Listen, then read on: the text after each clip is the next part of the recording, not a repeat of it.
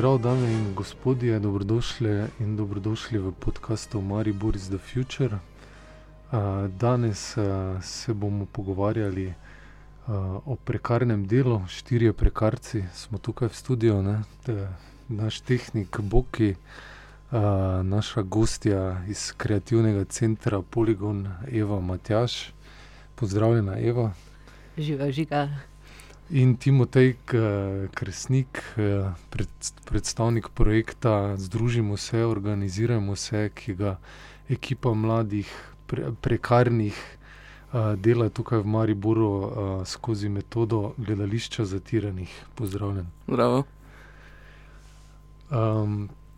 dajmo mogoče za začetek samo malo predstaviti projekte, o o čem se bomo pogovarjali, Eva, za začetek, Kreativni center Polygon vsi poznamo, ampak ostali ste par let nazaj brez prostora, kaj dela zdaj Polygon, kje ste? no, ta, ta, del Polygona, se pravi, jaz sem trenutno na porodniški, ampak, malo je na porodniški tudi cel poligon, bi rekla, zaradi tega, ker, nič ni, novega, da bi dobili kakšen primeren prostor, kot smo ga imeli. Ampak je pa tudi sreča v nesreči, ker mi smo ostali brez prostora ravno pred, začetkom epidemije, tako da smo nekako, šli nazaj h koreninam, mi smo že prej veliko raziskovalno delali, tako da zdaj v času korone je glavni projekt, ke ga ves čas izvajamo in še ni končan, to, da merimo, kakšno je stanje v kulturno-kreativnem sektorju, kako delavci živijo in delajo v epidemiji. Da, to je pač naša glavna okupacija zdaj. Pa še kakšni taki drugi manjši projekti, ke so vsi povezani več ali manj z delom. o tem bomo več, kasneje izvedeli, ne, te povprašali. Timotej, mogoče še malo več o vašem, o našem projektu, tudi jaz sem del, njega. Ja, to je v bistvu projekt, Organizirajmo se, združimo se, ki je nastal pod okriljem Movita, za se pravi projekt, za katerega smo dobili evropska sredstva. In v bistvu skupina tega projekta je nastala že prej, ko smo delali isto forumsko predstavo o nasilju nad ženskami. tako imenovana skupina Omletnikov. In potem, ko smo In omletnic. In omletnic, in potem ko smo slišali za ta, pač to priložnost, da bi lahko naredili še eno predstavo, se je v bistvu ta ekipa kar ohranila. In smo nekako prišli na to temo prekarstva, ker je bila to neka tema, ki nam je ostala že od prej, in smo jo hoteli tudi, raziskati. zdaj pa še mogoče malo več o projektu samem, ali? Ja, lahko, ja, prosim. No, v glavnem, projekt, je sestavljal to, da smo mi, ustvarili, forumsko predstavo, kjer v bistvu nekako predstavimo življenja prekarcev in njihove težave, se pravi prekarce iz različnih, delovnih sfer, starosti, situacij družinskih, tako in naprej. potem smo izdali, s s povezavo z Ziz kolektivom, koledar, ki je imel izjave, prekarcev, s katerimi smo mi, delali intervjuje. in smo tudi ta material porabili za, predstavo in za pač vse naše kreativne, stvari, v bistvu vse, kar smo počeli, smo, tudi se sklicevali na tisto. In pa seveda, tudi teoretično čisto smo si mogli malo pogledati, kaj je prekarstvo, katere forme so in tako naprej. Ja, tako da v bistvu zraven intervjujev pa smo tudi naredili še fotke, teh prekarcev, ki, s katerimi smo naredili, intervjuje in vse to se bo dalo videti, devetnajstega marca v GTdvaindvajset. Tako. devetnajstega marca, to soboto, vabljeni ob petnajsti uri, delavnica časopisnega gledališča, ne. Kjer boste tudi sami lahko se pobliže spoznali s prekarstvom skozi metodo, časopisnega gledališča, torej izrezkov, izjav, poročil in kako to prenesti v neko, predstavo, dinamiko na odru. Potem ob, šestnajsti uri bo predstava forumska, v kateri boste lahko tudi sodelovali in intervenirali torej deluje na način glede igralca.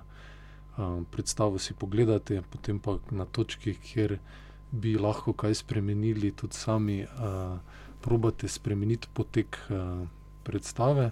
Za konec pa še potem ob osmih otvoritev fotografske razstave Amadeja Canjuge, torej portreti prekarcev in prekark oziroma njihovih uh, rok. Uh, del te razstave bodo pa tudi grafike centra Polygon, ki zdaj delate že leto pa pol, ne, tri, tri semestre raziskavo stanja v kulturno-kreativnem sektorju, specifično, ki je zelo prekariziran ne, že nekaj časa. Uh, povej nam malo več, mogoče Eva, kaj, je, kaj ste do zdaj, kakšni so izsledki, uh, stanje ni najboljše. Ne? Ja, nažalost, nimam jaz nekih dobrih novic, ne? pa tudi ne vem, koliko nekih dobrih vzgledov za naprej. Uh, rekla bi, da naša. Od, zakaj smo jo sploh začeli delati? Pač vse skupaj vemo, kako se je hitro zgodilo. um, od danes na jutro smo kar naenkrat uh, vsi ostali brez uh, možnosti, ali pa velik, velik delež sektorja ostal brez možnosti normalnega dela. Uh, in kar se je nam zdelo poligonu takrat ključno, je to, da rabimo podatke. Rabimo podatke, kaj se z ljudmi dogaja, če hočemo zahtevati pač na ravni države, ne, uh, da s tem sledijo neki nujni ukrepi. Tako da smo. Um, se mi zaktivirali že zelo malo. In prvo raziskavo smo imeli uh, od zunaj, prva anketa že aprila um, 2020. Uh, in takrat se mi je zdelo noro, mislim, tako se kot raziskovalka. Jaz sem drugače tudi kot, uh, delam, drugače tudi kot raziskovalka. In, in dobre vprašalnike narediti, ne tudi zahteva svoj čas. Tako da je v bistvu v tem prvem merjenju bi jaz rekla, da ta vprašalnik ni bil seveda popoln, ampak smo vedeli, da pa hkrati lovimo te časovne roke, da, da je treba čim prej uh, narediti sken stanja, pa podatke zbrati, pa jih predstaviti. Tako da smo že aprila 2020 imeli vprašalnik od zunaj in takrat se je odzval že 1500 ljudi nam že v prvem merjenju. Potem smo, merali, potem smo junija imeli že vse podatke od zunaj, predstavljene in to se mi je zdel prvi tak moment za zagovornike pa odločevalce, da dobivajo nek, neko izkaz stanja v sektorju. Smo šli pa tako in merali smo te čisto ekonomske vidike, koliko je, ne vem, so ljudem upadla plačila, ne, koliko projektov je bilo odpovedanih. In potem meni, recimo mene kot psihologinjo, pa tudi zanimajo ti psihološki uh, uh, vidiki, ne, kakšno stisko doživljaš, ne, uh, kakšna je tvoja podporna mreža in tako naprej.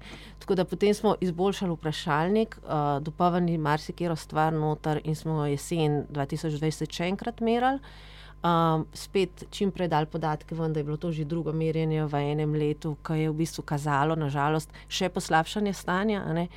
Uh, in uh, populacijo pa nismo hoteli za nalož umejevati, tako da v našem vzorcu so vsi kulturno ustvarjalni delavci. Zdaj pa ali gre za umetnike, ali gre za podporne službe, ali za tiste, ki so zaposleni v javnih zavodih, delajo na črno, ali pa imajo vem, status samozaposlenega v kulturi. Za nalož nismo hoteli tega um, uh, umejevati drugače, zaradi tega, ker se mi zdi, da na ta način lahko vidimo tudi primerjave ne, med različnimi poklicnimi profili. In ni treba biti ne vem kako pameten, da že vnaprej veš, da seveda je velik razkorak med tem, da v javnih zavodih se jim pač plačila niso spreminjala, po drugi strani pa vsi na ki so bili v, v neodvisnem delu sektorja, so pa kljub temu, da so bile potle neke subvencije, ne, več ali manj vsem se je znižalo, so se plačila in res dosti katastrofalno stanje. Uh, zadnjič smo merali spomladi uh, 22, uh, te infografike, ki jih boste predstavili, so pa plot. Um, te bolj poglobljene analize. Mi smo ogromno nekih podatkov zbrali, do takrat te infografike vključujejo 3500 različnih ljudi. To smo jih zajeli, zajeli v vzorc, to pa pomeni 10% celega sektorja, ne? ker je bil v Sloveniji približno 35 tisoč ljudi delalo.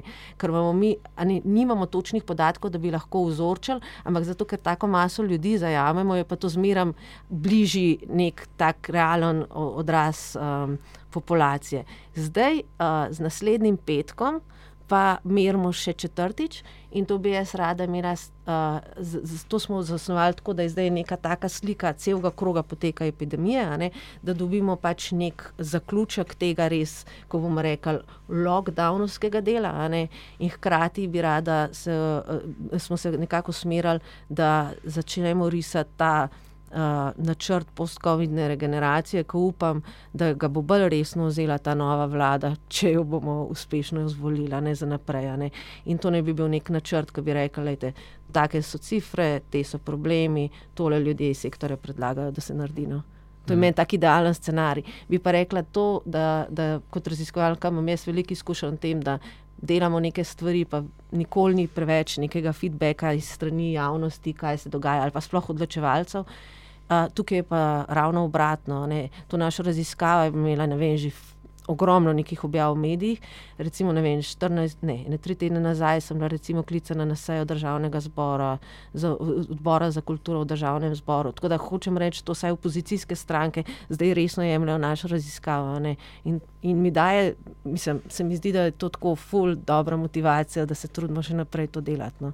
Mm. Delamo pa to z denarjem Centra za kreativnost.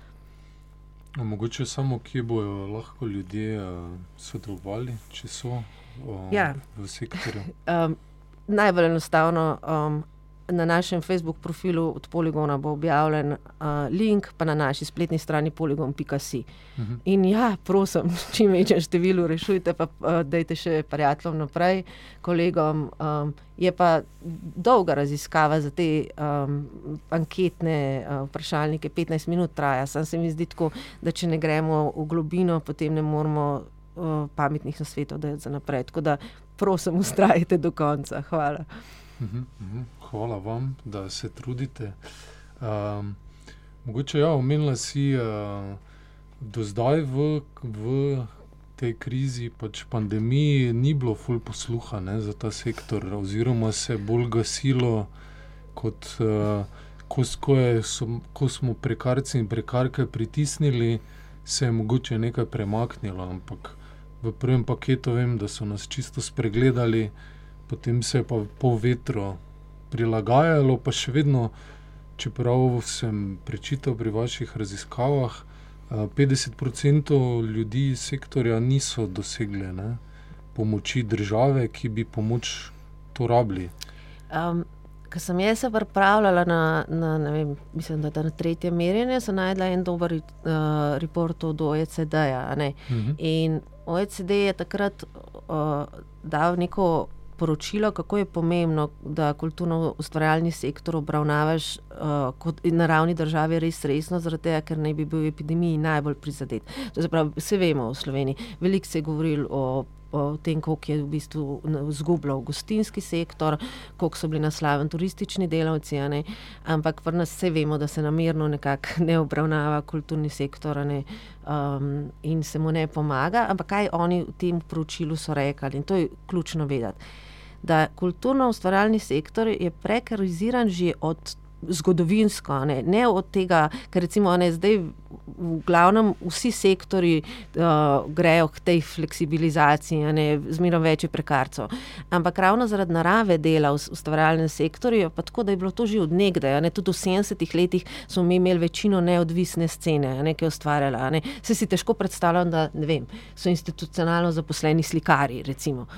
Ampak kar so oni tam zapisali, in ravno zaradi tega, ker je v bistvu sektor že tako specifičen, ne, veliko krat glih taki delavci padejo skozi vsa rešeta pomoči. In da je to največja pomembnost, mislim, oni so tam dali priporočila, da mora biti država pozorna ravno na to, ne, da s temi velikimi vem, ukrepi, kar recimo vem, zaposlene delavce rešijo, ne, v, v tem sektorju ne bomo veliko naredili. Kar je pa v bistvu smešen, je pa to, ne, in tukaj jaz pogrešam in zameram javnim zavodom. Vsi vemo, da javni zavodi pa vse niso tako politično, ali pa vsaj do neke mere so bili bolj politično neodvisni.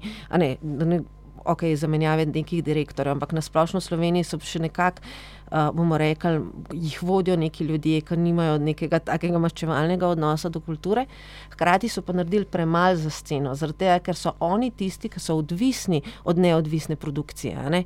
In praktično vsi javni zavodi, ne kulturni, um, žanijo tisti, kar neodvisen sektor dela. In kar jaz mislim, da v post-covidni rehabilitaciji sektorja bi mogli ne samo čakati na v bistvu strezne ukrepe strani države, ampak eh, treba se začeti pogovarjati o javnih zavodih, kaj so njihove odgovornosti in kaj lahko naredijo. Ne. Začetek s tem, da se začne delati pravično plačila, ker ogromen dela neodvisnega sektorja za, za javnimi zavodi ni plačano in je zgolj delo za reference. In mislim, mm. da bi mhm. mogli začeti tudi to naslavljati. Ker sami ustvarjalci tega ne naslavljajo iz preprostega razloga, ker je prostor premehen In potem veš, da če se boš tam vem, z eno uh, galerijo šel bockati okrog nekega plačila, ne, se ti bo zgodilo to, da se boš označen kot težaven in te tudi drugi ne bojo začeli vabati. Ker pomeni to, da mi kot zagovorniki recimo, lahko to naredimo, nekdo samo ustvarjalce pa to težko bori. Hmm. Hmm, Timotej, kaj ste vi mogoče v okviru projekta v tem pogledu? Ugotovili, kaj so bile tvoje izkušnje skozi intervjuje, pogovore s kolegi in kolegicami? Um, ja, mi, smo, mi smo prva stvar, ki smo se nekako um, zapičili v njo, ko smo začeli delati ta projekt. Je, da dosti ljudi v bistvu ne ve, če so prekarci ali ne. Se pravi, to, to je bilo nekako, um, mislim, tudi povod mislim, eden izmed povodov tega projekta, da se ozavešča, da nekako izpostaviš, kaj so karakteristike prekarnega dela, ne, da se lahko človek v njih spozna. In tudi se mi zdi, da smo videli skozi uh, intervjuje, da dosti ljudi tega nima. Pač vejo, da imajo slabo delovno situacijo, vejo, da so pod stresom, pač, da jim je nabed, ampak ne vejo pa, da so prekarci. In, in tudi se mi zdi, da je neka, ker je taka stigma, da se samo in, uh, identificiraš kot prekarec da se niti nočejo, no, mislim, nekateri, ne, da, da, da so nekako. Uh, Noč, mislim, da se nočejo asociirati s tem terminom. Sploh, mm. In tudi to je bil del naše predstave. Um, ja, uh -huh, uh -huh. In tu mogoče se tudi pomemben vzvod zgublja za neko solidarnost, da bi mm. se prekarijat vzpostavil kot razred, kot proletariat, ki bi lahko pritiskal na družbo. Uh -huh. Ja, točno tako. To smo mi tudi, uh, mislim, o tem razmišljali. Ne, da če se, glej za to je, organiziramo se, združimo se in zato se tudi predstavi, reče. Um, prek, eh, cesta. Ulica cesta prekarskih brigad, ne, ki je v bistvu wordplay na uh, cesto proletarskih brigad, ki je v bistvu uh, neka druga verzija tega, ker se pač morajo ti prekarski delavci, se moramo pač povezati, uh, se najti, se prepoznati in tudi sami prepoznati, um, da bi se lahko nekako um, skupaj za nekaj borili. V bistvu. mm. Ti v predstavi ravno igraš študenta, ki hoče narediti ta premik, ne? ki hoče aktivirati svoje sotrpine in sotrpinke. Um, kak, kak je v tej vlogi? Um, torej, ja, jaz uh, igram študenta, um, ki nekako vidi, da tako gre, ne gre več naprej, da že tako ali tako smo, smo vsi ne, v slabem položaju in reče, ok, bom jaz naredil nekaj, bom organiziral proteste in tako naprej. In mu do neke mere uspe, odvisno v bistvu od uh, glihtoje forumske predstave, da se v bistvu lahko publika odloči, kako dobro mu uspe. Uh, saj publiko tudi povabimo na oder, da pač oni z nami grejo na protest in to je glih, mislim, da tisto, kar je fajn pri forumski predstavi, da se lahko res postavijo v čevlje um, tega, kar predstavljamo, no? da se lahko še bolj uh, identificirajo. Um, ja, ne, sem že malo pozabil, kaj si vprašal. Uh, ja, ne, nič to ja, kak je bilo v koži tega študenta, pa kak, je bilo uspešno do, na dosedanjih izvedbah. Um, Enkrat smo celo mhm, organizirali -huh, protest, -huh. ne, sredi predstave. Ja. Se nam je publika pridružila na odru. Ja. Ponavadi, ponavadi so pač, je publika bila bolj pasivna, smo dali tiste letake za protest, eh, pa so tam sedeli in so rekli hvala. Enkrat pa je dejansko je prišel nekdo z intervencijo in je rekel: Kaj pa ti imaš veliko teh letakov, kaj pa če jih daš vem, pet njemu, pa pet njej in potem oni naprej razdelijo. In dejansko to tako dobro uspelo, da smo imeli cel oder, poln publik, se pravi, vsi so se že ostali in imeli smo um, tisti, kaj je mikrofon, um, kako se že reče. Uh, ojačevalec. Uh, ja, megafon. Ja, megafon in smo imeli protest uh, na odru. Da, to je bilo zelo uspešno.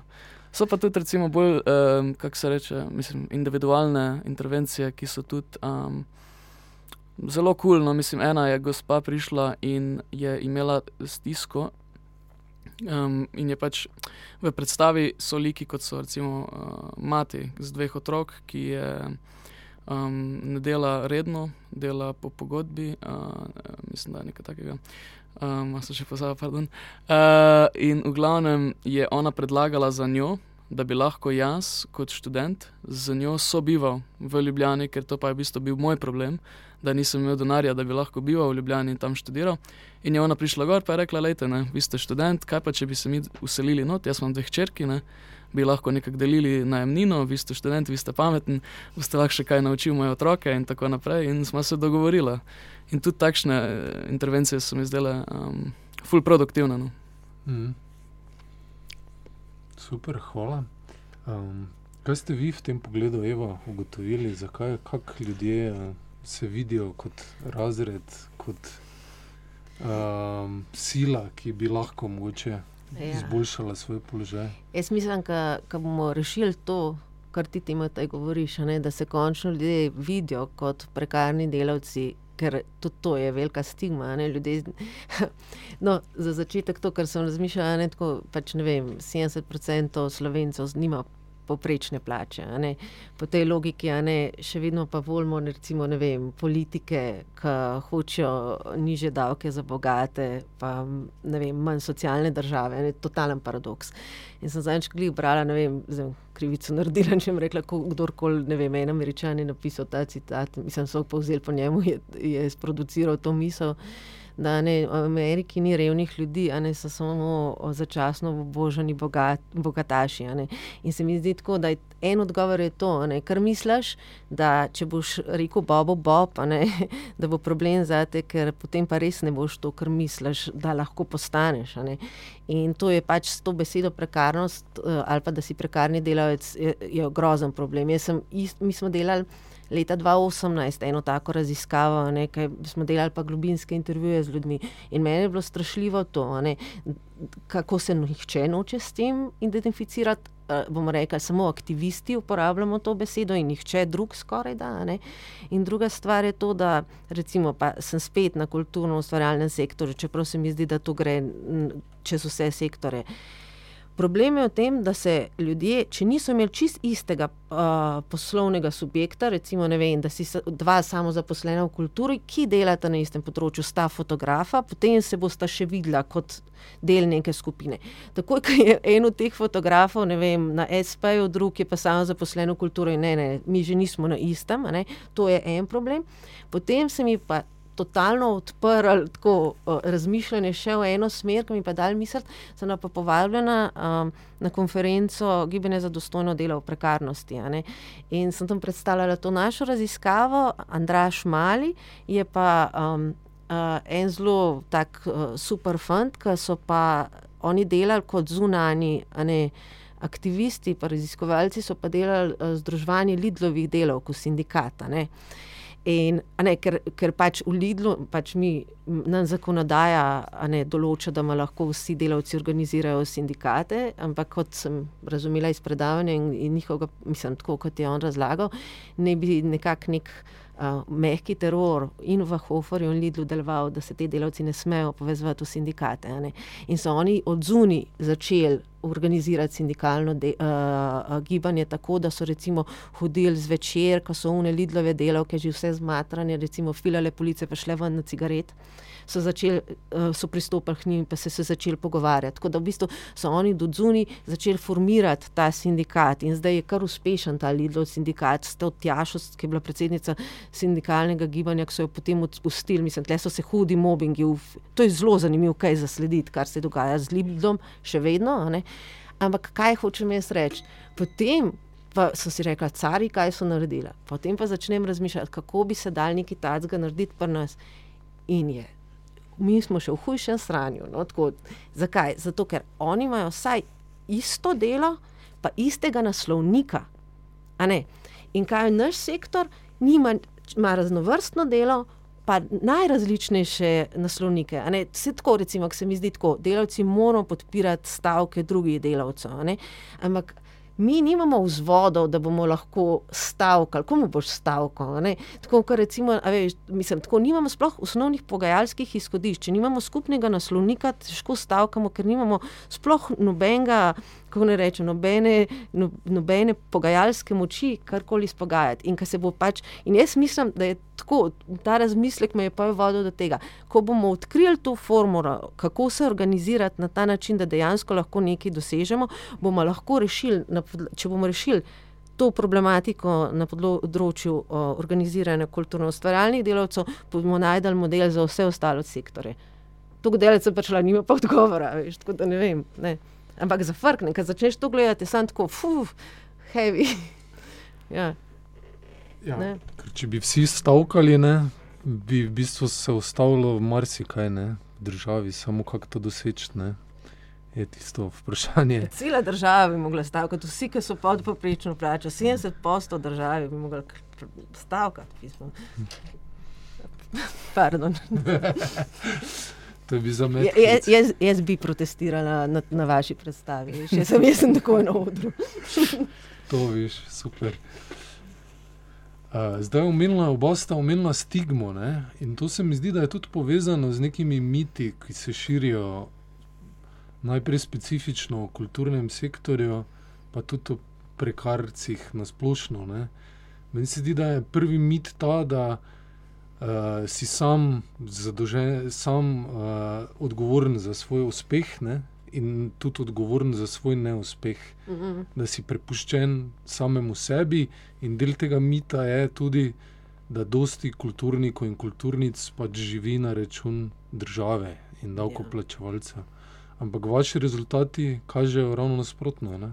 Noro, noro. In to smo mi v vseh merjenjih ponavljali, na različne načine sprašvali, in nikoli nismo dobili več tretin, kot tretjino ljudi, ki dobiva razpisni denar. Ne.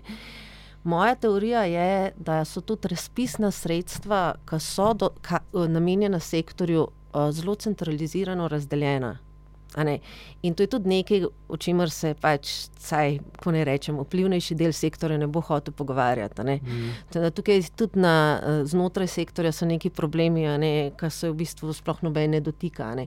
To bi bilo zanimivo tudi gledati, recimo pa sistematizirati. Um, Vse razpisnike, kako koli dobivajo, in kdo so tisti, in kako profilirati. Ker ena tako zanimiva stvar, ki jo imamo v Sloveniji, je, je, da imamo neke organizacije, večino teh uspešnih kulturnih organizacij, tistih, ki so se uh, formirale tam takoj po osamosvojitvi. Um, dobivali najprej, recimo, ta, rekla, joj, zdaj pa to tako janšistično sorošal denar, ne? ampak ne, so pač bile financirane s tem, potem so se v bistvu to kadrovsko ukrepili, da so bili oni že v bistvu dosti močni in so tudi. Um, se je začel preučevati teh mehanizmov prijave na evropska sredstva, ki so pa je prihajala. Ne? In seveda je logično, da, da razvojna stopna teh organizacij zdaj neprimerljiva z neko, ki bo se ne vem, ustanovila ne vem, 2015, a ne? A ne, sploh za neke večje denarje. Ne? Ti rabiš imeti človeka, ki ga plačuješ z rizikom, da mogoče se razpisa ne bo dobil, ki ga piše. Kdo si lahko to prvoščil od majhnih? Nihče. Tako da tukaj se mi zdi, da to so teme, To so tabu teme kulturnega sektorja, ki se jih ne bo noben dotikal, ampak to, kar kažejo naši podatki, um, pa je nekaj, kar bomo mogli začeti postavljati e, ena tako velika vprašanja. Ne? Če je že ta denar, komu se podeljuje, ne? Da pa ne govorimo o tem, da bi pa ga mogli v bistvu vsa ta sredstva usporediti z razno raznimi start-upovskimi sredstvi ali pa drugimi gospodarskimi razpisi, kaj je pa tako to minoren denar v primerjavi s tem, kar dobiva un sektor. Pa tako, tako ne moramo skozi govoriti, ne, lahko je profiten ta naš sektor prav tako, ne mislim, da bi mogli slediti logiki profitnosti, ne, sploh ne v vseh zadevah, ampak tudi mi imamo kaj za pokazati, da lahko iz tega nastane.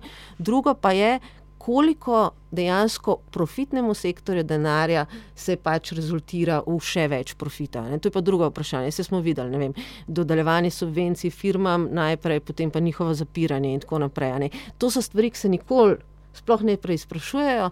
Ampak sledimo pa tej neoliberalistični logiki, ne, da posameznika, ki je odgovoren za svoj uspeh in neuspeh, in tako naprej. Zelo imamo to ponotranjeno in tukaj je tudi, zakaj je sramotno reči, da si prekarni delavec, ker si pač ne sposoben, ti v življenju ni ratala. Ne. Mm. Ne. Tako nekako v tem okolju pač delujejo. In to so neki, nek diskurs, ki se je uveljavil in je pa vsem nepravičen in nesmiselen. Ampak ja, proti tem se je treba boriti, ne, da so ljudje pač ponosni na to. Mislim, to je tako, pač, meni se zdi, tako Timotej, ne vem. Mi smo še mogoče generacija, ki smo nekako bili vsaj lahko zaposleni. Nekje, ne. Vi ste še tisti, ki ne, mogoče nismo mogli formirati nekih ne, velikih organizacij, smo se lahko v njih vsaj zaposlili, vi še teh šans nimate. Ja, no, mislim, mislim je. So omejeni. Tako jaz vidim, je, je zelo težko. Mislim, vse, vse ljudi, ki poznam, ki se nekako prizadevajo k temu, ki so recimo okoli mojega letnika, um, mi samo pravijo, da pač ne, zelo, zelo težka pot, mislim, da moraš se res.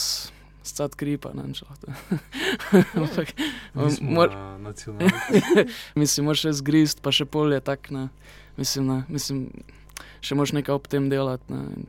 Pa, samo jaz pa mislim, več recimo, ko smo se pogovarjali o tem mitu, um, da si ti sam odgovoren za svoj uspeh. To se recimo vidi tudi, uh, mislim, tako zelo očitno pri stvarih, kot so Volt ali pa Uber, ne, kjer prav to piše v uh, advertisingu, uh, ne, mislim, v oglaševanju za te službe. Ne, bodi svoj šef, ne, do 5000 na mesec. Ne, mislim, ne, v bistvu samo ti, koliko boš ti delal, in to je to, in ne boš imel veliko denarja. Mhm. Take mite pa to naprej gojino. Je, je pa še ena zanimiva stvar, ki sem jo jaz takrat odkrila v teh raziskavah, ki smo jih delali v intervjujih.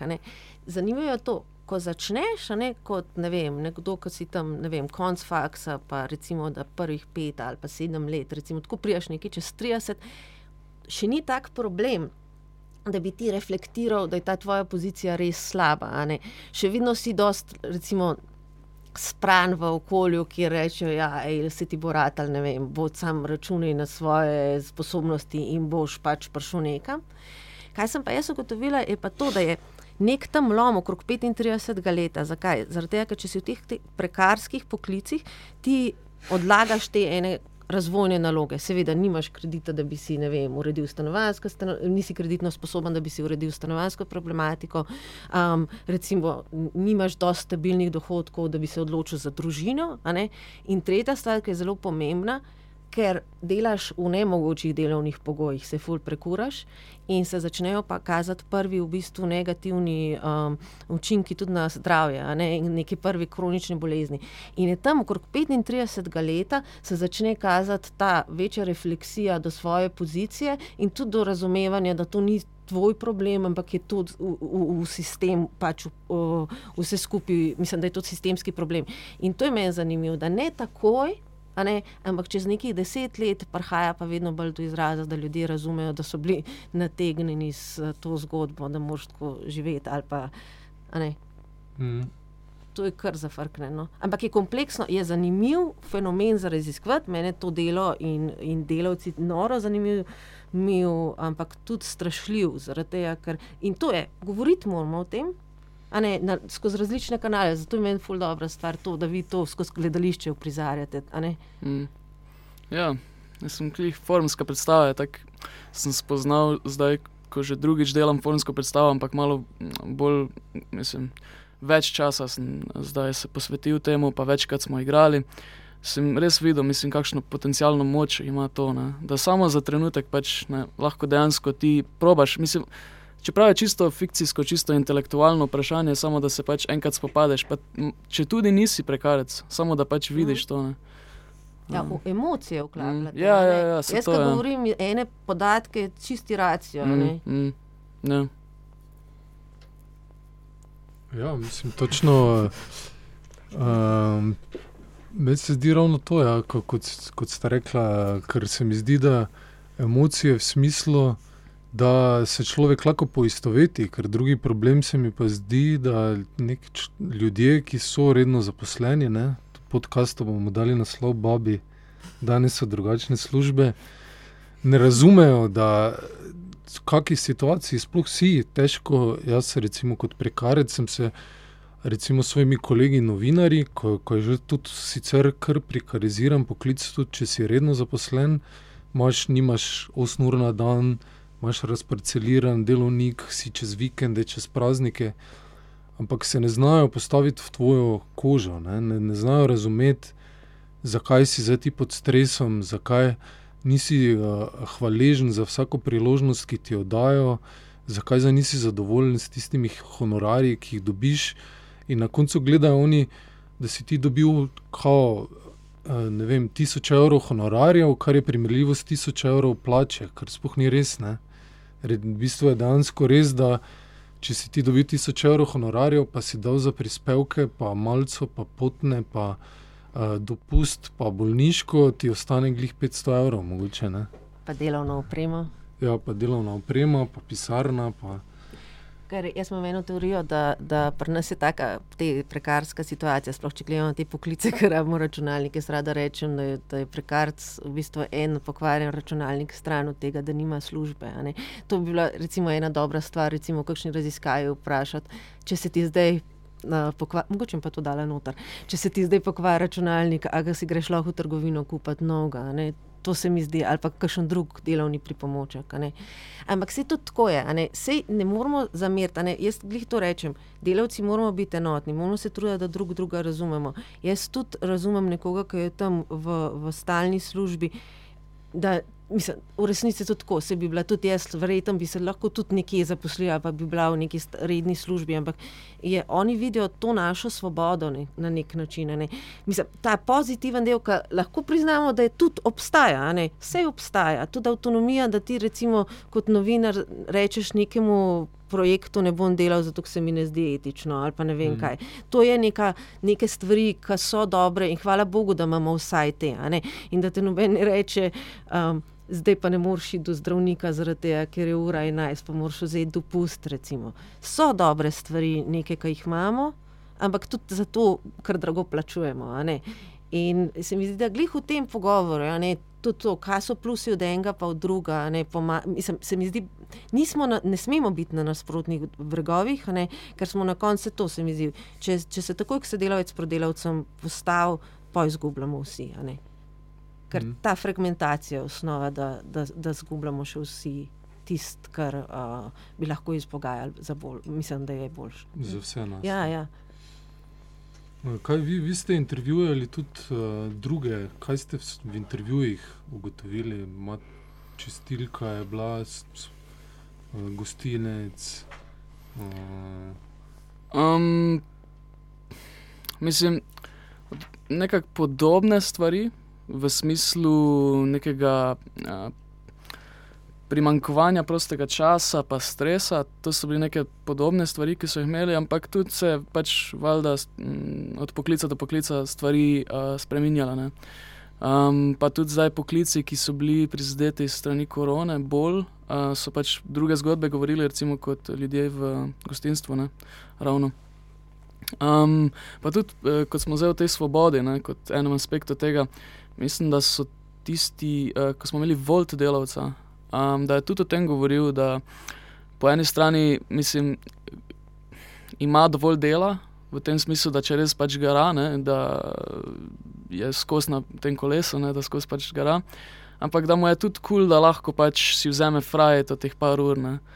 Da, ja, mislim, da so neke smernice podobne, ampak ni pač isto, ista izkušnja. Mm. Eh, mogoče je ena taka stvar, da se spomnim, pa zdaj kar pozabila. Uh, mi se večinoma ukvarjamo z odpravljanjem vzrokov ne, za, za te problematike, za, mislim, problematike, ki jih skušajo samo zaposleni, ampak delamo tudi na sim, uh, lajšanju simptomov. In lanskrat smo mi izdali priročnik Svoboda SP. In ta je pa v bistvu smeren, mi smo delali veliko delavnic zato da bi ljudje lažje delali, ker se mi zdi, da to, kako usvojiš to delovno prakso. To, to, je, to je kup enih veščin, ki jih ti sploh moraš imeti. In ker sem jaz, ki smo v poligonu toliko uh, delali z ljudmi, pa ki je veliko prišlo iz faksa, pa v prvih vem, petih letih, recimo, dela smo videli, koliko imaš problemov, ne znaš si organizirati. Dela, ali pa ne znaš dobro postavljati cene. Ali pa recimo, tudi, ko imaš prosti čas, ki je večinoma takrat, ko nimaš projektov, te nimaš pravega prostega časa, ker te skrbi, kaj bo pa poj, ali bo sploh imel projekt. In smo zastavili neko serijo uh, delavnic, in potem so se zelo dobro obnesli, zaradi tega, ker se res ljudem dali veliko enih. Um, Na svetu, pa med sabo si si ful pomagali, potem smo pa spisali priročnik. Tak. In ta priročnik je napisan, da ima prav vajema. In ti greš lahko čez cel priročnik sam, pa te tam sprašuje stvari, ni vsaka tema za vsega, ne?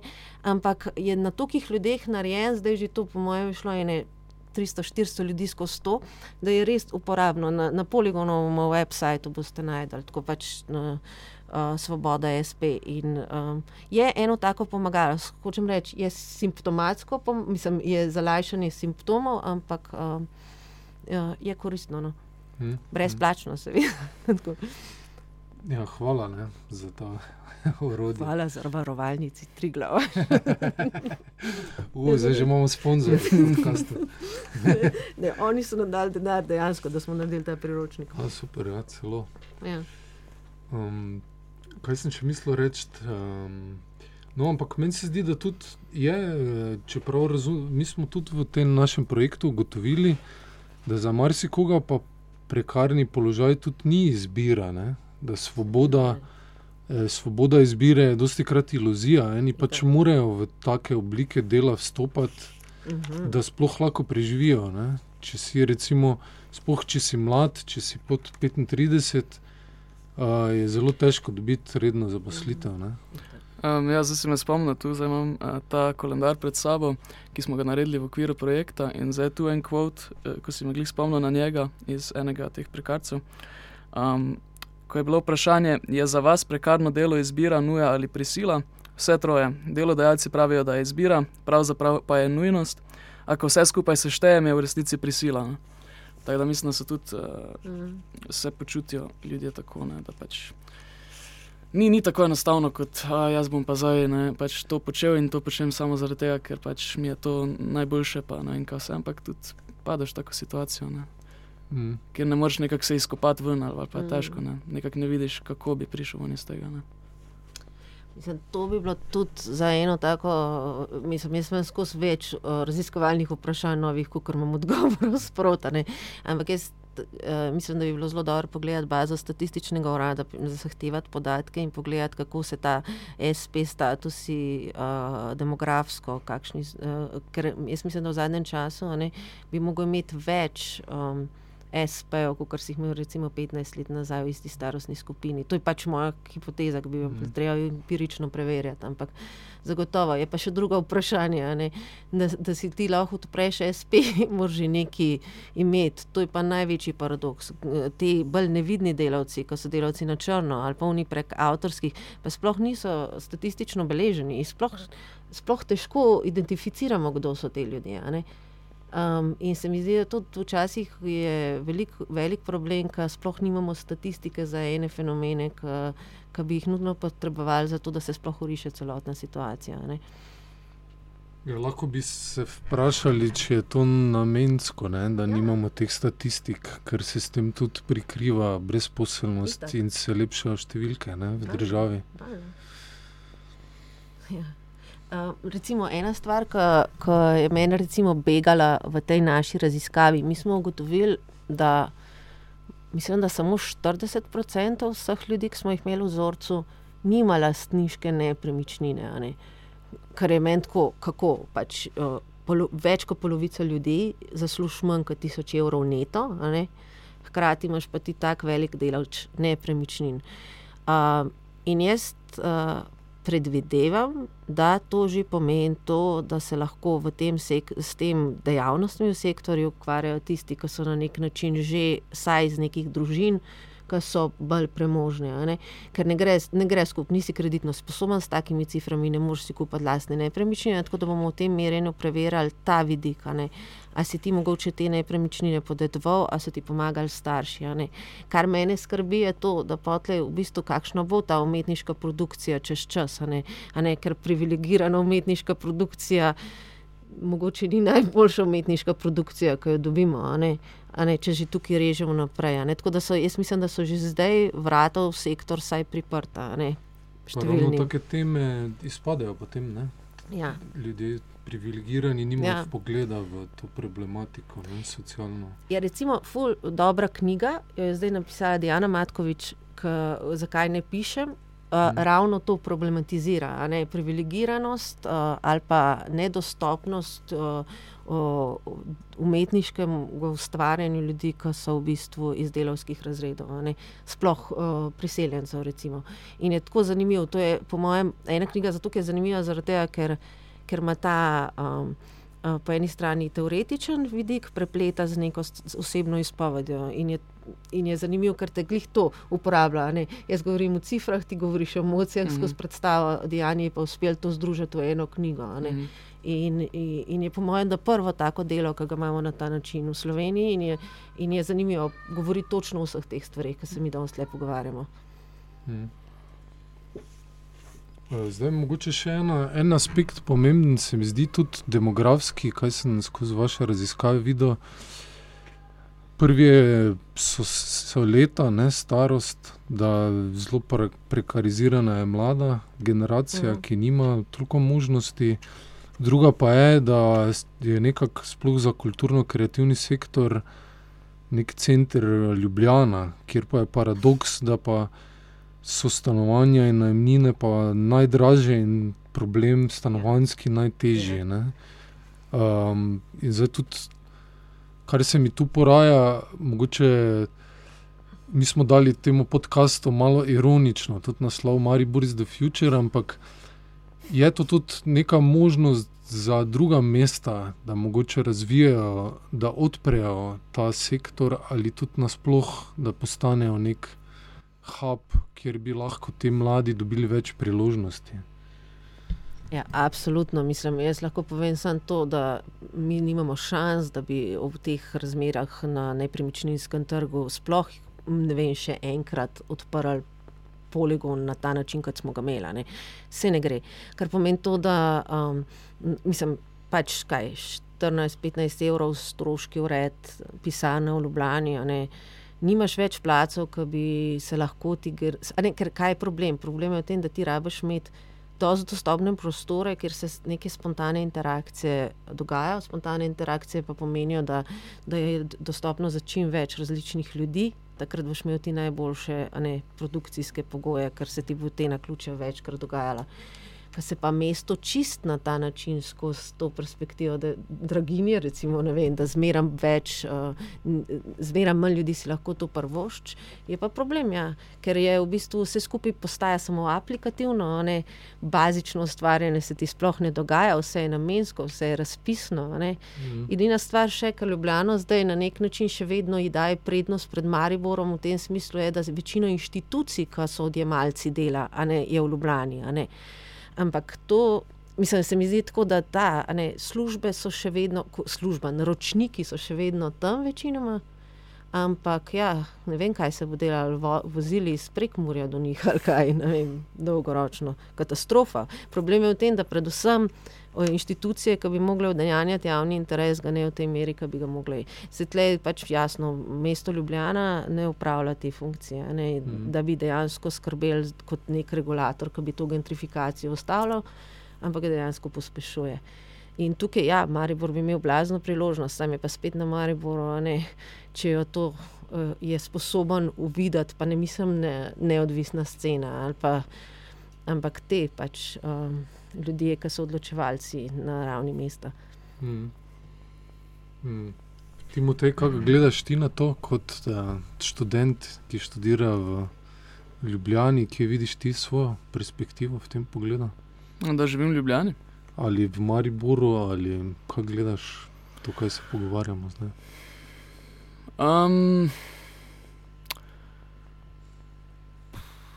ja, mislim, kar se tiče uh, preživetja v Ljubljani, se seveda pač, uh, po mojem, vsi zavedamo, uh, ko smo zdaj študenti, da pač bo to kar, kar težko. Ne? Mislim, že tako ni tako velik, mislim, da je razpisanih stanovanj, sploh, mislim, da bi jih lahko ne, pa tudi tiste, ki so, so cenovno nedostopna. Ne?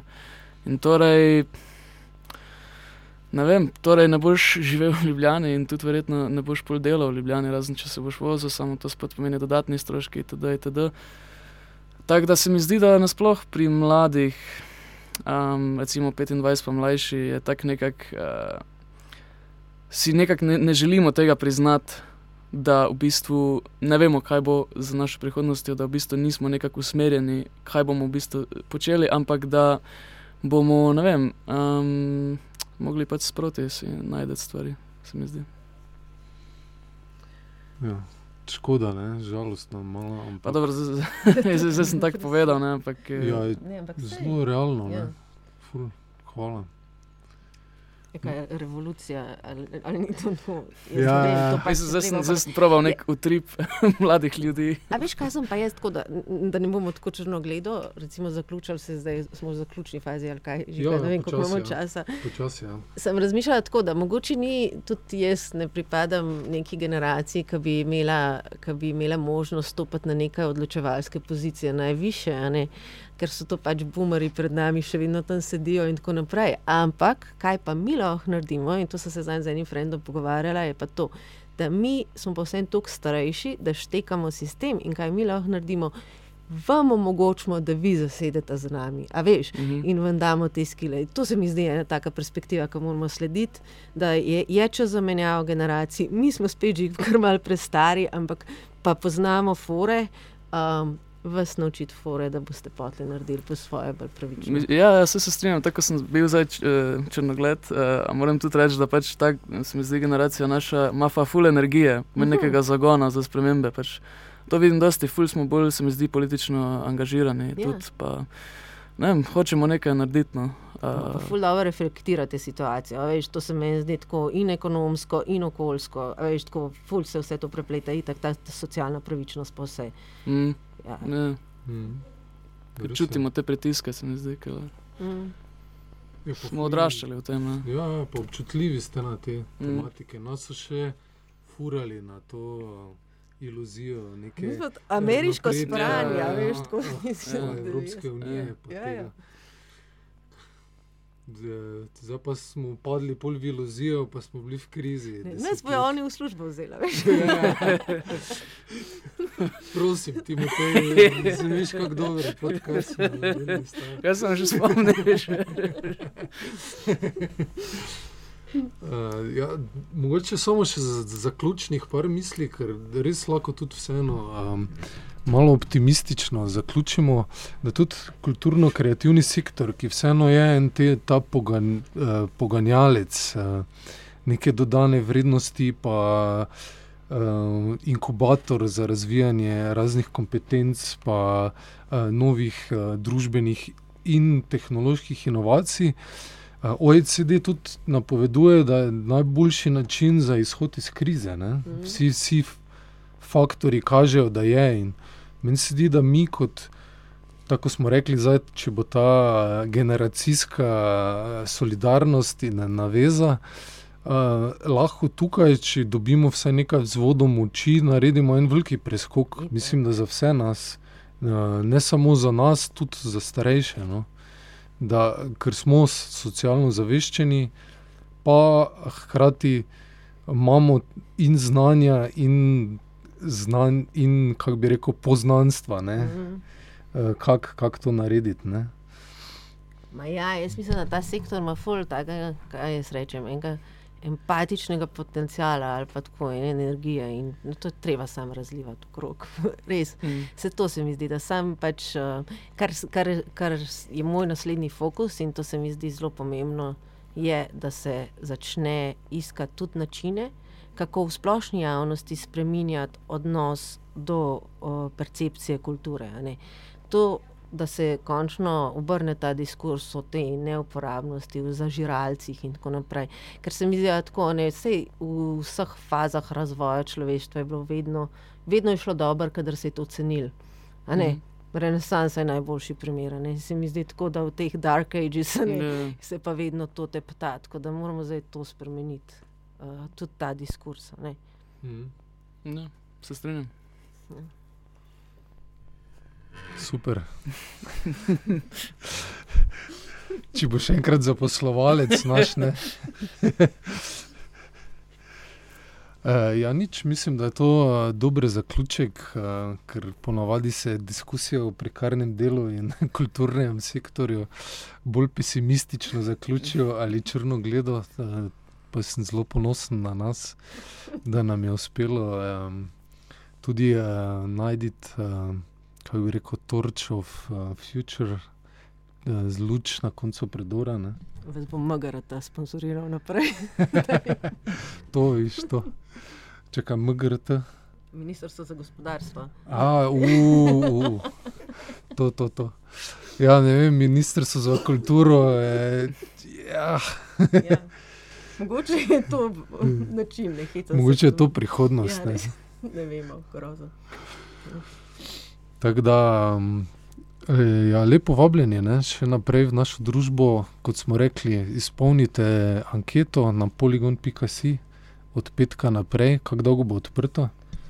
Ja, to je zdaj odvisno od vas. ne. Dražje nas bo prišlo, pa počasno ste rešvali. Mi bi radi to v dobrih dveh tednih, treh zaključili, nekaj tajnega. No. Uh, recimo, da tam do nekje do sredine aprila. Uh A, torej, da dobimo čim več predlogov in čim bolj a, reprezentativen vzorec. Ne? Mm. A, vabljeni pa tudi, kot smo rekli, v soboto, 19. marca, celi popoldan in večer v družbo omletnic in omletnikov, oziroma prekark in prekarcev. Bi še ti, Timotej, dodal kako vabilo? Um, mislim, vljudno vabljeni, po mojem bo um, zabavno. Um, pa ne vem, um, tisti, ki ste želeni nove izkušnje, kako je to sodelovati v forumski predstavi kot gledalci, vam bi po mojem bilo ful um, fajn in enako za um, delavnice, ki jih imamo. Uh, časopisnega gledališča je tudi neka um, forma, ki ni tako prakticirana pogosto. Tak da. Zato se splača pogledati. E, super, hvala vama, da ste bila z mano danes tukaj in delila ta um, razmisleke in vabila, in upamo, da tudi službe. hvala Bogu, da si nas tehnično porihtal in hvala vam, da ste nam prisluhnili do konca. Uh, Maribor is the future. Ja, hvala za povabilo, super je Maribor. Okay, uh, lepo se imejte.